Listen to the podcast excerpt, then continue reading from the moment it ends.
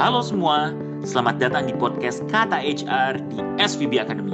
SVB Academy adalah sebuah platform yang ingin membantu kalian belajar HR secara mudah dipahami langsung dari ahlinya. Ingin update lebih banyak mengenai HR? Yuk, simak podcast ini karena kami akan share informasi seputar HR mengenai materi, karir sebagai HR profesional, maupun tips dan trik serta bahasan lainnya mengenai kehidupan para generasi muda. Tidak lupa ada kesempatan juga untuk mendapatkan kode promo untuk pendaftaran SVB Academy. Let's check this out. Halo semuanya, kembali lagi ke Kata HR episode kelima. Sama Danjo di sini sebagai moderator dan kali ini kita kedatangan dua speaker. Yang pertama adalah Vita. Hai teman-teman, gimana nih Hai. kabarnya? Udah lama nggak berjumpa di podcast asik. Baik baik, oke deh. Dan yang speaker yang kedua adalah Feby. Say hi to Feby Hey. semuanya. Hai. Feby. Apa kabar? oke Semoga baik sehat-sehat baik ya. istimewa amin semoga teman-teman di rumah juga sehat semuanya.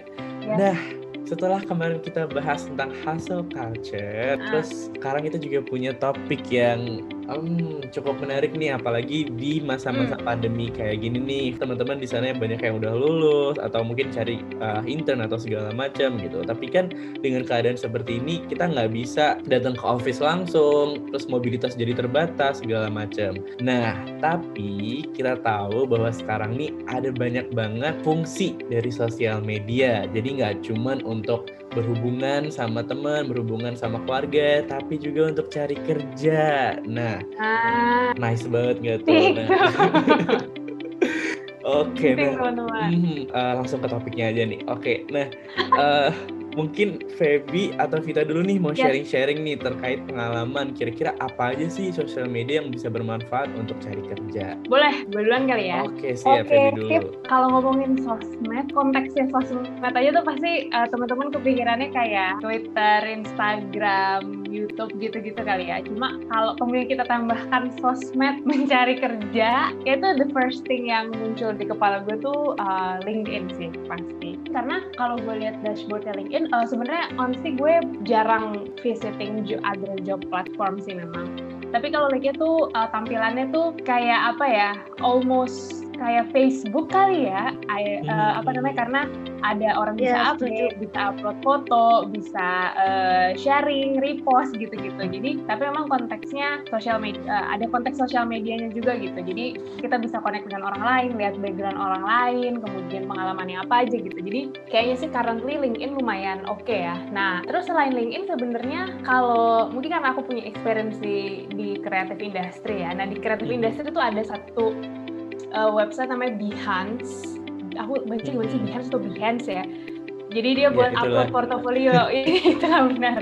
Tulisannya Behance. Nah, itu buat BHC, upload ya. ah, itu buat upload portofolio mereka gitu. Tapi Mhm. I think for especially for creative ya mungkin buat copywriter atau content writer atau desain grafis gitu-gitu I think nggak limited to LinkedIn aja ya sometimes even social media mereka yang literally mungkin Instagram ya atau Twitter itu bisa jadi portofolio mereka juga gitu karena kan kalau kreatif kan mereka bisa upload gambar atau mereka nulis caption yang super menarik di mana Twitternya atau apa gitu kalau menurut kita gimana? Oke, nah kalau menurut aku setuju banget nih tadi pendapat dari Feby ya mengenai Hmm. LinkedIn karena LinkedIn emang sejauh ini mungkin emang platform yang dicari oleh kebanyakan rekruter perusahaan Yes, ya karena mungkin Mhm. emang tampilannya juga ada banyak nih teman-teman bisa ngepost atau nge-share informasi mengenai perusahaannya atau mengenai sertifikasi gitu-gitu. Iya. Jadi di situ teman-teman bisa nge-like, nge-share, terus komen juga gitu. Jadi udah kayak Facebook atau Instagram ya teman-teman. subscribe nggak kak? Bener bener Hmm. bener. Iya, nggak ada subscribe sayangnya. Oh nggak gitu. ada. Itu. Oke. Terus kemudian kalau misalkan teman-teman awam ya dengan Kaliber, terus kemudian ada juga Jobstreet, terus ada juga Glimpse, itu juga sama sebenarnya platform untuk mencari kerja ya teman-teman. Yes yes benar. Hmm. Karena di situ akan ada banyak nih lowongan-lowongan kerja yang dimasukkan oleh perusahaan. Nah, di situ sistemnya juga sama nih, teman-teman harus ngisi kayak biodata, terus ngasih CV, cover let, cover letter ya kalau nggak salah, terus kemudian hal-hal lain lah untuk Hmm. melengkapi ya. Terus kemudian ada job street juga sama ya. karir.com, Urban Hire, banyak platform cukup banyak untuk bisa menemukan lowongan kerja gitu. Tinggal bagaimana nih teman-teman mengemas informasi yang teman-teman punya menjadi sebuah informasi yang dapat menarik perhatian rekruter dari perusahaan gitu sih. Iya benar banget. Tadi Feby juga bilang nih mungkin selama ini kan teman-teman uh, nganggapnya tuh pokoknya kalau cari kerja LinkedIn LinkedIn segala macam gitu kan. Nah tapi sebenarnya sosial media yang lain itu juga bisa dimanfaatin. Kayak contoh teman-teman di industri, di industri kreatif kita punya Behance. Hmm. dan juga ini familiar banget ya, ya teman-teman yang post karya di Twitter segala macam terus tiba-tiba karena karyanya dapat exposure yang lebih uh, luas terus akhirnya banyak nih orang akhirnya ngerekrut gitu misalkan para desainer grafis atau uh, web designer kayak gitu kan yep. lumayan banyak nih cerita yang di Twitter gitu kan. Nah ini teman-teman jadi memang ada sosial media yang as, in, as general gitu tapi ternyata itu juga bisa membawa uh, dampak positif untuk dunia profesional kita. Tam, namun ada juga website-website kayak LinkedIn, Glints dan juga Job Seeker, Caliber segala macam yang memang sebenarnya itu dikhususkan untuk uh, mencari kerja kayak gitu. Jadi memang mungkin teman-teman tinggal cari platform yang disukai aja yang mana gitu ya Feby dan Vita. Gitu. Kalau kalau Feby dan Vita paling uh, paling suka kira-kira platform mana nih? Sebenarnya uh, kalau dari aku sih paling sering ya biasanya makanya yeah. LinkedIn sih gitu karena hmm. mungkin orang-orang banyak nge-share informasi entah itu mengenai lowongan kerja di feeds-nya eh di timeline sorry itu yes. terus kemudian informasi-informasi mengenai sertifikasi yang mereka dapat atau hal-hal lain lah yang menarik menurut aku cukup menarik gitu karena di situ juga di LinkedIn kita bisa berinteraksi nih dengan orang lain gitu. Kalau misalkan kita merasa oh ini informasinya sangat membantu nih teman-teman kita bisa langsung tanyain gitu ke mereka gitu. Jadi itu sih yang mungkin menarik dari LinkedIn gitu. Oke okay, oke. Okay. hmm. memang LinkedIn tuh yang paling familiar yes. Oke memang banyak informasi di sana banyak banget. Nah kira kira-kira nih mungkin Feby mm-hmm. mau kasih insights atau saran gitu. Gimana sih caranya supaya social media yang kita punya itu bisa mengattract recruiters gitu? Jadi dari situ apa yang harus kita pasang apa yang harus kita benahi apa yang harus kita masukkan supaya tuh wah ini anak menarik gitu. Mungkin kalau ada uh, rekrut yang uh, bisa tertarik sama kita gitu. buat teman-teman yang mau memperbaiki bukan memperbaiki ya mempercantik lah profilnya gitu. Supaya dilirik rekruter. Ini ada hubungannya juga nih teman-teman dengan uh, ATS kalau teman-teman uh, belum familiar itu ATS adalah applicant tracking system uh, sebuah kayak uh, sistem digital atau aplikasi yang memang beberapa perusahaan udah pakai nih untuk memproses aplikannya gitu. Dari sisi ATS dulu ya. Jadi tuh beberapa ATS ini yang dipanggil perusahaan itu sometimes ada yang udah bekerja sama dengan big job portals untuk uh, automatically looking for applicants. Nah, uh, ini supaya kita make sure kita ke capture juga nih sama si tanda kutip AI ini adalah dengan make sure biasanya tuh we have the right probably keywords kali ya. Karena biasanya mereka juga ada beberapa yang se-fancy itu sampai mereka bisa tracking keywords gitu. Jadi make sure kalau beberapa keywords dari um, pengalamannya teman-teman, baik itu dari um, pengalaman pendidikan maupun pengalaman profesional atau even ekstrakurikuler itu uh, ada gitu. Misalnya untuk H, uh, untuk HR, teman-teman misalnya pernah punya pengalaman di organisasi jadi SDM ya misalnya gitu. Nah, make sure keyword seperti SDM, talent management atau misalnya rekrutmen itu tertulis di profil teman-teman gitu. Dan kemudian kalau bisa teman-teman uh, kalau nggak salah di LinkedIn tuh ada yang namanya elevator pitch ya. Di situ jadi elevator uh, pitch. Mm, di situ ada elevator pitch di mana ada apa tiga pertanyaan yang bisa sebenarnya kita lakuin untuk buat elevator pitch ini. Yang pertama ada uh, value yang bisa kita berikan, kemudian what makes us different dan juga menuliskan nah kat, lagi kata kunci yang relevan supaya profil kita tuh lebih mudah ditemuin Karena sometimes nggak cuma applicant tracking system ini aja tapi kalian rekruter yang memang masih pers secara personal ini handle ini mereka juga nyarinya misalnya uh, aku mau cari say account eksekutif nih misalnya untuk perusahaan hmm. advertising atau marketing gitu.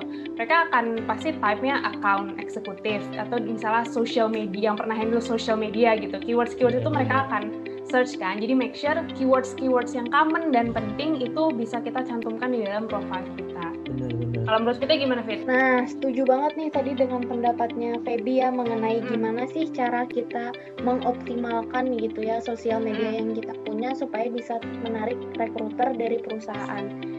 Nah, kalau dari aku sendiri mungkin kan kalau untuk setiap platform kan kita butuh nih untuk foto profil ya. Karena ini tujuannya adalah mencari kerja, jadi untuk foto profilnya bisa nih teman-teman memakai yang formal, yang lebih formal gitu. Misalkan kalau laki-laki bisa nih pakai jas atau kemeja gitu. Kalau perempuan bisa nih pakai kemeja gitu atau misalkan pakai blazer. Terus kemudian hmm, iya, iya kalau bisa nih teman-teman bisa bikin headline gitu. Jadi uh, mengenai informasi diri teman-teman mengenai pengalaman atau misalkan mengenai interestnya hmm. teman-teman. Karena mungkin ketika misalkan ya kalau orang buka LinkedIn yang pertama dilihat adalah foto profil kemudian headline-nya gitu. Nah untuk di headline ini bisa nih teman-teman bisa bikin yang menarik terus yang uh, informatif yang singkat, padat, dan jelas juga gitu. Headline dan foto profil, terus kemudian teman-teman kalau misalkan punya pengalaman nih, bisa nih dicantumkan di platform-platform itu. Terus nanti teman-teman bisa nih kasih penjelasan lebih detail mengenai tugasnya teman-teman tuh apa sih di situ, responsibilitiesnya apa gitu. Terus kemudian yes. apa sih achievement teman-teman di situ gitu. Jadi orang-orang recruiter dari perusahaan tuh bisa lebih ngerti nih sebenarnya apa sih value yang dimiliki teman-teman gitu? Apa yang bisa ditawarkan teman-teman ke perusahaan mereka gitu?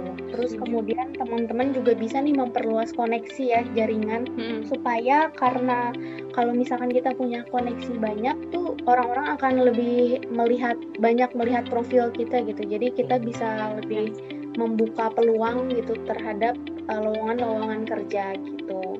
Terus kemudian ada juga rekomendasi itu juga teman-teman bisa nih minta rekomendasi dari rekan kerja atau misalkan dari senior di kantor untuk kasih rekomendasi di platform nah. teman-teman hmm. yang teman nah. gitu. Nah, kalau di LinkedIn sendiri sih ada sebenarnya yes. untuk si bagian rekomendasi atau endorsementnya ya, itu. Endorsement. Itu menambah kredibilitas ya, Kak? Iya, yes. benar benar. Oke deh, makasih banget nih Feby dan Vita. Dari situ kita bisa menggarisbawahi beberapa hal, yaitu yang pertama adalah selain menuliskan position, itu penting juga untuk menuliskan apa yang kita lakukan dan achievement uh, selama kita uh, menjalani position itu gitu. Nah ini mungkin juga berkaitan sama yang Feby bilang tadi bahwa keyword-keyword kayak gini itu sangat membantu, terutama ketika para perusahaan itu udah pakai ATS atau pakai artificial intelligence gitu untuk membantu proses yes. rekrutmennya gitu. Nah kalau kita kan rajin, misalkan kita uh, ahli di marketing terus uh, perusahaan mencari marketing kalau kita menuliskan marketing kan pasti bakal nongol gitu ya di uh, search findernya yeah. kayak gitu nah gitu yes. gitu mungkin berarti emang deskripsinya itu penting banget daripada cuma nulis position kita aja gitu. Nah mungkin kalau Vita atau Feby nih pernah nggak sih ada pengalaman uh, mungkin dari teman-temannya atau pengalaman pribadi sendiri malah di approach dari perekrut gitu melalui sosial media? Kalau lebih lihat kepada umumnya aja sih. Rata-rata dulu teman-teman teman-teman gue yang recruiter itu biasanya approach orang memang via LinkedIn. Dan mm -hmm. kemudian dari LinkedIn itu ya udah mereka biasa lebih uh, untuk lebih formalnya mereka pindah ke personal email misalnya kayak gitu. Um, dan abis itu mereka sometimes ya uh, deal deal jadi biasanya kalau udah masuk deal dealan dan interview appointment segala macam itu udah via email cuma mereka hmm. sourcingnya dari LinkedIn terus background uh, check ya background check dari yes, LinkedIn uh, terus um, ada juga yang job street job street juga dulu banyak uh, waktu uh, aku jadi waktu gue jadi sempat jadi intern rekrutmen intern beberapa waktu yang lalu mm-hmm. itu juga kebanyakan kita dari job street dan dari situ juga kita kontak aplikan dari situ dari situ ya itu sih jadi memang opportunity-nya cukup banyak ya karena memang eh sorry company juga udah tahu mana-mana tempat common mana aja yang menjadi semacam pulah untuk hmm. mencari talent gitu. Hmm. Oke, okay. kalau Vita gimana nih Vita? Ada pengalaman nggak? Nah, dari pengalamanku ya teman-teman emang di sebelum pandemi pun uh, para perekrut tuh udah mulai mencari nih di sosial media misalkan di LinkedIn, di Jobstreet, di Glints atau uh, berbagai macam platform lainnya gitu. Jadi yes. ketika sekarang pandemi itu tuh semakin marak nih platform-platform yang berguna untuk mencari kerja ya karena kan perekrut mulai ngelihat background tuh misalkan dari LinkedIn, dari. Glints, dari Jobstreet yes. dan lain-lain gitu. Dan kadang ada juga nih beberapa rekrut yang emang ngelihat Instagram kita gitu. Tapi yang lebih dilihat adalah itu yang tadi platform mencari kerja gitu. Dan emang itu krusial banget sih teman-teman ketika misalkan teman-teman fresh graduate atau misalkan teman-teman uh, udah kerja tapi pengen mencari opportunity lain itu bisa banget nih teman-teman untuk memiliki platform online gitu ya, platform online untuk mencari kerja karena di situ adalah tempatnya para perekrut menjaring seluruh kandidat. Karena kan Yes. sekarang juga ini ya, proses rekrutmen lebih kebanyakan ke online juga ya teman-teman Benar, gitu. benar, benar. Iya. Berarti kesimpulannya adalah uh, social media dan juga web portal untuk pencari kerjaan itu memang harus kita manfaatkan sebaik mungkin karena memang ya it could be that powerful gitu untuk kita berkoneksi dan mencari kerjaan. Oke, terima kasih banyak Vita dan Feby atas cerita-ceritanya. Oke. Sip. Terima kasih banyak teman-teman. Jangan lupa bahwa uh, minggu ini kita ada kode promo nih untuk SPB Academy. Betul banget. Betul banget. Hai. Dan kode promonya ini hanya berlaku sampai Jumat jam 9 malam. Jadi jangan lupa untuk dipakai dan kode promonya adalah kata HR 10. K A T A H R 10. Angka 10 gitu ya teman-teman ya. Semangat teman-teman. Oke, Terima kasih sip. dan see you on the Terima next kasih podcast. Terima kasih teman-teman. semuanya. Bye. Sampai ketemu lagi. Sampai ketemu lagi. Jangan lupa dengarkan terus podcast kita di Spotify, Apple Podcast, dan Google Podcast. Kunjungi website kami di www.svbacademy.com, Instagram kami di @svb.academy. Dan kalau kalian punya pertanyaan, saran, atau kritik, email kita di kontak@svbacademy.com.